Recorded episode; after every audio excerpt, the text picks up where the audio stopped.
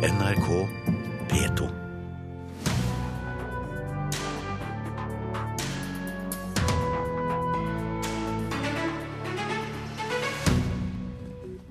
Et 180 millioner kroner. Det er størrelsen på summen Snømannen-produksjonen legger igjen i Norge. Folk i Finland mener kringkastingsskatten er mer rettferdig enn TV-lisensen. Det hevder i hvert fall den finske kringkasteren selv. Og Museum Stavanger gir nå ut gratis årskort til flyktninger og asylsøkere. Og Fredagspanelet diskuterer Mammon, avvisningen av verdens største popstjerne, og hvorvidt også TV 2 bør få statsstøtte. Produksjonsselskapet bak Hollywood-filmen 'Snømannen', som spilles inn i Oslo for tiden, planlegger å bruke nesten 180 millioner kroner i Norge. Det viser dokumenter Kulturnytt har fått tilgang til. Reporter Eirin Venås Sivertsen, det er mye penger, det? Ja, det er mye penger. Tallene er henta fra en søknad eh, de har skrevet til Norsk Filminstitutt. Der står det at de har estimert at de skal bruke 179 millioner 940 092 kroner i Norge. Og det blir jo nesten 180 millioner kroner. Det betyr at all filmingen skal skje i Norge, og ingenting i Sverige, som spekulert i tidligere. Eh, om de får innvilget denne søknaden hos Norsk Filminstitutt, så kan de få tilbake opp mot 25% av denne summen gjennom den såkalte insentivordningen som vi nå har fått i Norge. Det vil altså si 45 millioner kroner. Og Hvor stor eh, del av potten fra NFI er det? Det er jo hele potten, det. Ja, det er det. Um, og det er jo ikke bare de som har søkt, så her blir det kamp eh, om pengene. I tillegg til eh, de norske prosjek prosjektene Okkupert 2 og Skuespilleren, så har Hollywood-filmen 'Downsizing' med Matt Damon også søkt. Um, jeg snakka med Universal, uh, som produserer 'Snømannen', og de har ikke anledning til å svare på spørsmålene våre i denne saken foreløpig. Hvorfor ikke? Fordi sjefene sitter i LA, og dette fikk vi vite i går ettermiddag. Så det er rett og slett tidsforskjellen som gjør det. Men de er kanskje ikke så veldig interessert i å snakke om det heller? Det skal ikke vi spekulere akkurat nå. Nei, vi gjør ikke det. Men, men vi har jo snakket med noen. Vi har snakka med en erfaren norsk filmprodusent som har laget Kon-Tiki, Åge Aaberge. Og han mener at dette, altså denne søknadsprosessen er uheldig for Norge som innspillingssted. Fordi det blir altfor uforutsigbart for Hollywood eh, om de ikke vet hvor mye penger de kan få. Eh, og det er også uheldig om det bare er én av disse Hollywood-filmene som får de pengene de ønsker. Ja, så det. For Da kan du ende opp med at de tror at det kanskje er bare én film i året som får.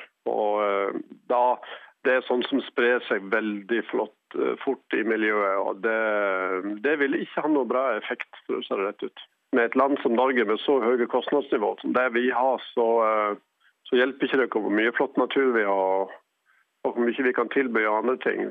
Fordi det blir for dyrt rett og slett å jobbe her. Vi burde kopiere de ordningene som er rundt i Europa, f.eks. den islandske, eller som jeg har erfaring fra sjøl, fra Malta, hvor du får en prosentsats ut av den omsetningen som du faktisk skaper i det landet du filmer. Det sa Kon-Tiki-produsent Åge Aaberge, og han vil altså ha en løsning hvor alle filmprodusenter får tilbake 20-25% av det de bruker i Norge. Altså ingen søknadsprosess på en fast pott. Kulturminister Linda Helleland svarte følgende på dette i går. Nå er det jo ikke jeg som skal vurdere hvilke filmer som skal få midler, men det tyder jo på at dette er en stor suksess. Og jeg er veldig glad for at regjeringa har fått på plass intensivordninga. Og så skal den nå virke en stund. Og så skal vi selvfølgelig ta imot innspill om også endringer etter hvert. Og så ser vi selvsagt muligheten for å gjøre en veldig god ordning enda bedre, og at dette er et startskudd for et norsk filmeventyr. Ja, Det sa altså kulturminister Helleland. Eirin Venås Sivertsen, når tror du at det blir avgjort hvor mye penger Snømannen får tilbake via statens insentivordning? Norsk Filminstitutt har ikke bestemt akkurat datoen, men det blir i begynnelsen av mars.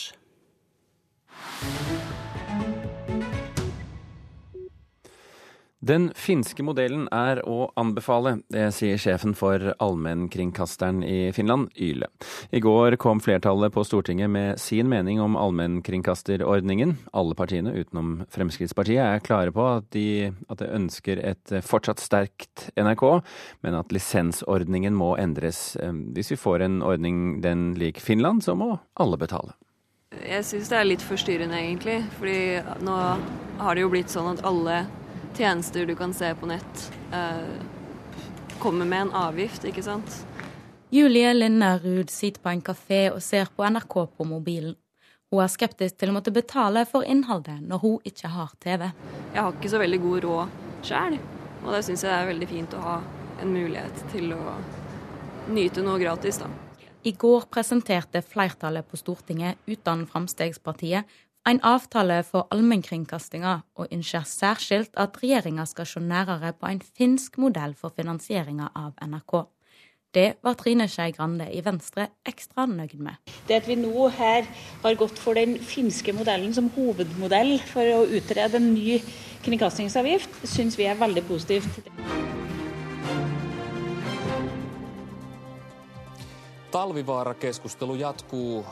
I Finland gikk de vekk fra lisensmodellen for tre år siden.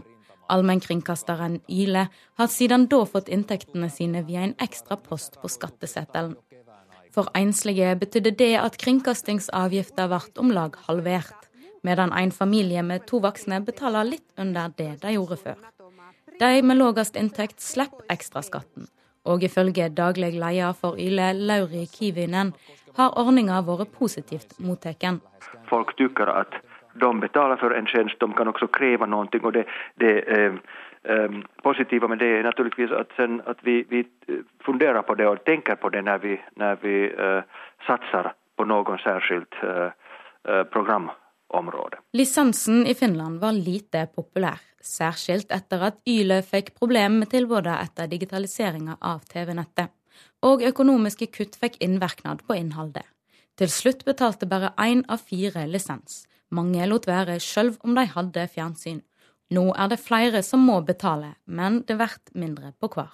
Folk tykker at den er rettvis, eftersom det er så, så mange Eh, praktisk taget alle som betaler noe for, for eh, tjenesten. En slik finansiering av NRK er fremdeles bare et forslag. En ekspertgruppe presenterer en rapport om lisensen til sommeren, og så skal regjeringa avgjøre.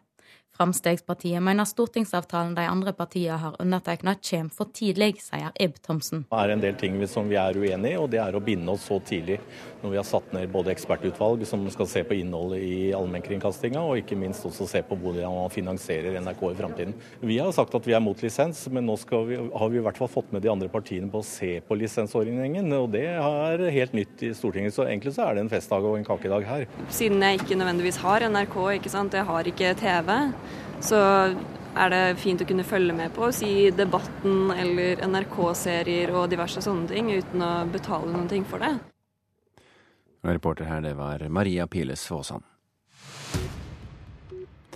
På Den nasjonale scenen i Bergen skulle det vært premiere på teaterstykket Mot månen. Vi skyter ham ut i går kveld, men teatersjef Agnete Haaland stoppet premieren etter å ha sett generalprøven. Det skriver Bergensavisen i dag. Hun sier det var en risiko å sette opp den eksperimentelle monologen, og at stykket utsettes på ubestemt tid, da det ikke var bra nok. 420 personer har allerede kjøpt billetter til de 23 planlagte forestillingene. Eieren av den store villaen der deler av filmen The Big Lebowski har sin handling, han har gitt eiendommen til Los Angeles County Museum of Art. Han håper villaen kan inspirere folk til å bygge mer kreative hus. Planen er at filmvillaen skal åpnes for allmennheten. Villaen har vinduer fra gulv til tak og, og har en berømt utsikt, og har også vært brukt i filmen Charlie's Angels og til en rekke kjente motefotograferinger.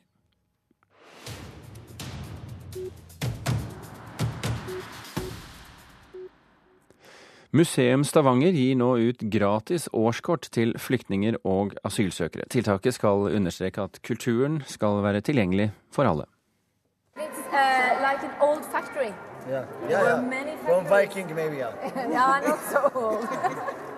Museum Stavanger er på Forus midlertidige asylmottak for å informere flyktningene om at de nå kommer gratis inn på deres museer i Stavanger. Museumspedagog Kristin Kranner er overraska over hvor positive flyktningene er til tilbudet. Det er jo helt overveldende hvor interesserte folk er. Og Begeistra, egentlig. Så det er litt av en mottakelse vi har fått. En av flyktningene som bor på Forus, Raed El Khaledi, har vært på et av museene før, og det falt i smak. I visit uh, this one. How was it? Yeah, it's very good because uh, it's contained.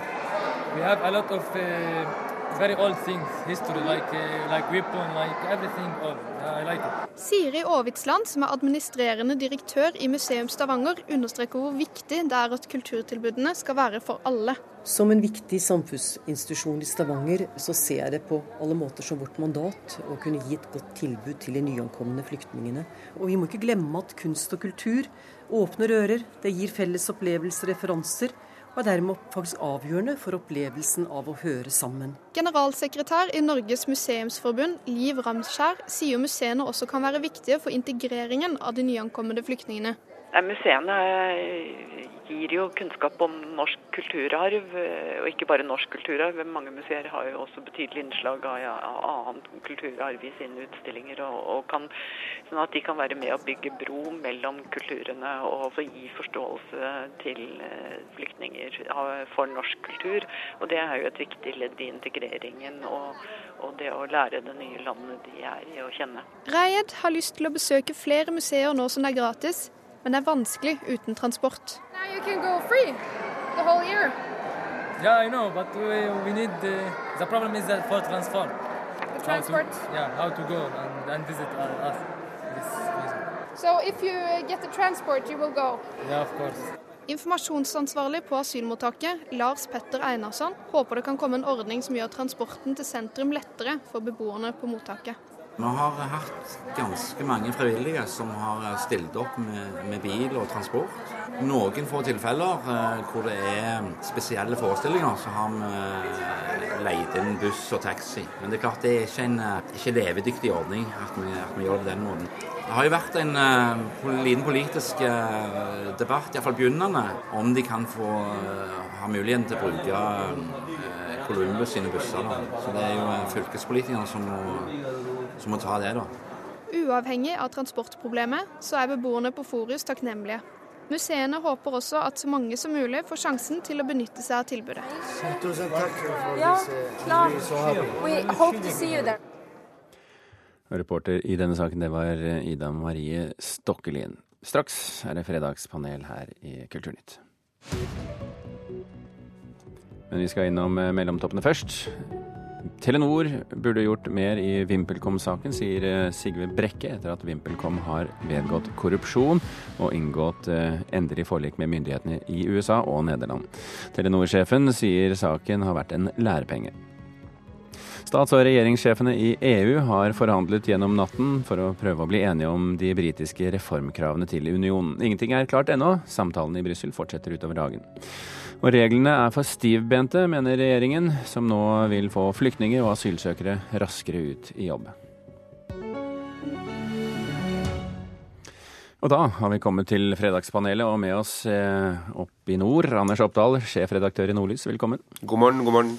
Inger Merete Hobbelstad, kritiker og kommentator i Dagbladet, velkommen. Takk for det. Og Marit Moum Aune, regissør, velkommen. Hei. Vi har eh, en del ting å ta tak i i dag. Vi kan begynne med NRK selv. TV-serien Mammon er slutt for denne gang. Siste episode samlet Jeg tror vi ligger på rundt 900 000 i snitt over hele fjæra. Men folket er splittet. Noen er totalt forvirret etter siste episode. Noen mener det er utmerket. Spørsmålet vi går ut med i dag, og vi kan begynne i nord, er bør vi unne oss en tredje sesong? Nja. Nja. Aune? Ja. Hobbelstad? Nei. Hvorfor ikke Hobbelstad? Eh, jeg vil gjerne ha flere fortellinger av denne typen. Altså vil si eh, intrigante serier om slemme mennesker som prøver å ødelegge for hverandre med skumle fioliner i bakgrunnen. Det, det syns jeg er gøy å se på. Det tror jeg det er mange andre som gjør også. I hvert fall 900 000. Eh, og så synes jeg vel at eh, denne sesong to ikke helt kom seg dit den skulle. Og det gjorde jo virkelig ikke sesong én heller. Det var veldig godt å se de første episodene. Det var en tydelig kvalitetsheving fra første sesong. Og så kommer det et eh, punkt der det blir syv forskjellige skinneganger, og fortellingen prøver å kjøre ned alle sammen. Og det blir litt rotete. Og jeg har ikke inntrykk av at det mest sentrale persongalleriet her har festet seg og blitt så tydelig popkulturelle personligheter i den grad at det er en brennende nysgjerrighet for å se hvordan det går videre med dem. Så jeg tenker at noen andre kan få lage sin versjon av litt samme fortelling nå. Aune, du eh, vil gjerne ha med. Ja, altså På mange måter så er jeg litt enig i, i kritikken av serien. Jeg, jeg syns jo den viser veldig store kvaliteter. Nå har jeg laga to TV-serier og vet på et vis at eh, her sammenlignes jo serien med internasjonale serier av en liten nasjon. Så de utvikler seg enormt. Det som skjer litt, hvis jeg skal ta det faglig, da, mm. det som skjer litt med Mammon i sesong to, det er at hvis man sammenligner med forbrytelsen, som går da som man også opphavsmennene gjerne vil sammenligne seg med, så går den da i mange retninger. Så går den stuper inn mot en kjerne mot slutten, og så er det en sannsynlig utfall som man hadde kunnet gjette seg til. Hvis man hadde fulgt med? Ja. Altså, eh, her går det litt motsatt vei, da. Sånn at man går ut i periferien. Mm. Og finner løsningen i det perifere. Og det tror jeg læringa ligger der. da. Jeg har en slags følelse av at de guttene her med en tredje sesong virkelig, for jeg syns det skjedde ting fra første til andre. Og jeg tenker vi skal utvikle TV-serien i Norge, så tror jeg at de guttene her med en tredje sesong virkelig kan naile det. Det, det, det, ligger nok mer noe jeg har lært når jeg jobba i radio. Du må drive på den en stund for å få et eh, konsept til å sitte. Anders Oppdal, du jobber jo mye med politikk eh, i det daglige. Hvordan eh, ser det ut fra Tromsø? Ja, altså, det her blir jo et lekmannsperspektiv for meg, sånn rent kunstnerisk. Når du spør om, du spør om, om, jeg, om vi skal unne oss en sesong til. Ja. Um, og det er jo andre ting jeg unner meg mer, eller vil unne meg mer enn akkurat en sesong til med mamma. men men sånn, som, som TV-seer så, så, eh, er jo jeg fascinert over det. Jeg ser den er høy kvalitet, eh, det er spennende. Så det tatt, det, men det som skjer i denne sesongen, her, det er helt riktig beskrevet. Det, eh, det starter veldig bra, og så blir jeg fryktelig forvirra, og så skjønner jeg alt i siste episode, da, til syvende og sist, og puster letta ut, sånn at liksom tida ikke var feilinvestert. Men jeg syns det, det, det, har potensial der. Altså, sånn at Hvis det, det blir beslutta at det skal lages en tredje sesong, så, så, tåler jeg et forsøk til. Men, men, det er andre ting som jeg tåler enda mer. Ja. Men Hobbelstad, vi nevnte jo i snitt 900 eh, 000 hvis man regner eh, folk som ser eh, når det går, i reprise, på nett, og, og ja, det er vel det. you can't argue with Uh, suksess, er det noe som heter. Å jo da, det kan du helt fint. Ja. Uh, nei, altså det er, ikke, det er, jo ikke, fælt å se på. Altså, det er jo selvfølgelig en viss spenning knyttet til serien. Og det var jo, det var som sagt en tydelig nivåheving nå fra første sesong, så jeg syns ikke det er rart at mange sitter og ser på dette her. Det at mange sitter og ser på, betyr jo ikke at det ikke kunne vært markant bedre. Uh, og så er det ikke Nei, men det, det, er ikke det vi diskuterer. Nei, men, vi diskuterer jo hvorvidt vi skulle få en sesong til, om det er en god idé eller ja, ikke. Ja, da er jo kvaliteten en ikke uvesentlig side av den saken. Og så er det altså det å trekke veldig store publikumskarer søndag kveld på NRK. Det er noe med at da sitter folk og ser på TV. Altså, selvfølgelig det har vært variasjoner i forhold til hva som har blitt sendt da, men jevnt over er det en kveld hvor man får veldig høye seertall. Hvor folk sitter klare til å bli underholdt, og det unner jeg dem å bli. Og jeg unner dem å bli da noe litt bedre neste gang. Ja, altså TV er jo nådeløst. Jeg sjøl vært konsepterende regissør på Kampen for tilværelsen, som gikk for å være litt sjølopptatt, som gikk for uh, i fjor. Som også fikk god kritikk for øvrig. Som fikk veldig gode kritikker over hele linja. Og det er klart, vi hadde under, fem, under en halv million. Gikk på onsdag. Det er klart en sånne ting. Men da er det nådeløst. Da kommer det ikke tilbake, sjøl om man kanskje syns det kunne vært spennende kunstnerisk å se hvordan den serien gikk. da. Sånn er TV. Eh, og velger man det mediet, så er, er, det blitt veldig sånn at ratinga er det som på et vis styrer veldig mye da. Men er det, er det ikke noe det, eh, opp, eh, Oppdal, at eh, man skal være litt ambisiøs, og så får man tåle eh, og, at ikke alt treffer helt hele tiden? Jo, det syns jeg også. Og, og, det er jo helt riktig. altså Det er veldig mange, mange som, som, har sett på Mammon. Og det er jo, jeg merker jo sjøl i omgangskretsen min og på jobben og hvor jeg nå ender, at alle har på en måte snakka om denne søndagskvelden. Så, så, helt krise er det ikke. Det er sjelden at jeg har vært borti en, en norsk dramaproduksjon som har fått så mye, mye, som har fått så mye interesse, rett og slett. Og, og det kan ikke bare være fordi at det har vært eh, godt markedsført. Det er også fordi at det, har, det, det trigger noe. Det er, noen, det er, noen, ting her som funker. Så, så en tredje sesong, det, det er ikke katastrofe, men det er er, det er andre ting vi, som er viktigere. Så får vi bare... Ja. Og jeg tror at Hvis man setter seg ned og ser norske serier for ti år siden og setter seg ved siden av mammaen, så vil man bli ganske forbløffa over den ja. utviklinga som har vært. Og vi må, vi må, liksom Midt i det hele så må vi kunne greie å ha en sånn type blikk på det. da.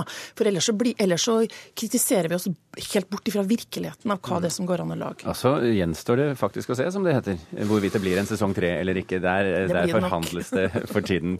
Eh, vi hopper videre. Stortinget skal ta fatt på allmennkringkastermeldingen. Et av spørsmålene er om også en kommersiell TV-kanal bør få statsstøtte. I dag har eh, et overskudd på 300 millioner kroner som eh, TV 2 har. De går rett til eierne i Danmark. Og da er spørsmålet er dette tidspunktet å gi TV 2 statsstøtte, Oppdal? Uff, tja Aune? Nei. Nei. Hvorfor er du i tvil, Oppdal? Altså, eh, Sånn som medieutviklinga er nå, med hvor inntektene både for trykte medier, digitale medier og også fjernsynsmedier er under et sterkt press, så kommer vi til å komme til en korsvei hvor NRK blir um, urimelig stor i medieuniverset. Urimelig sterk, rett og slett.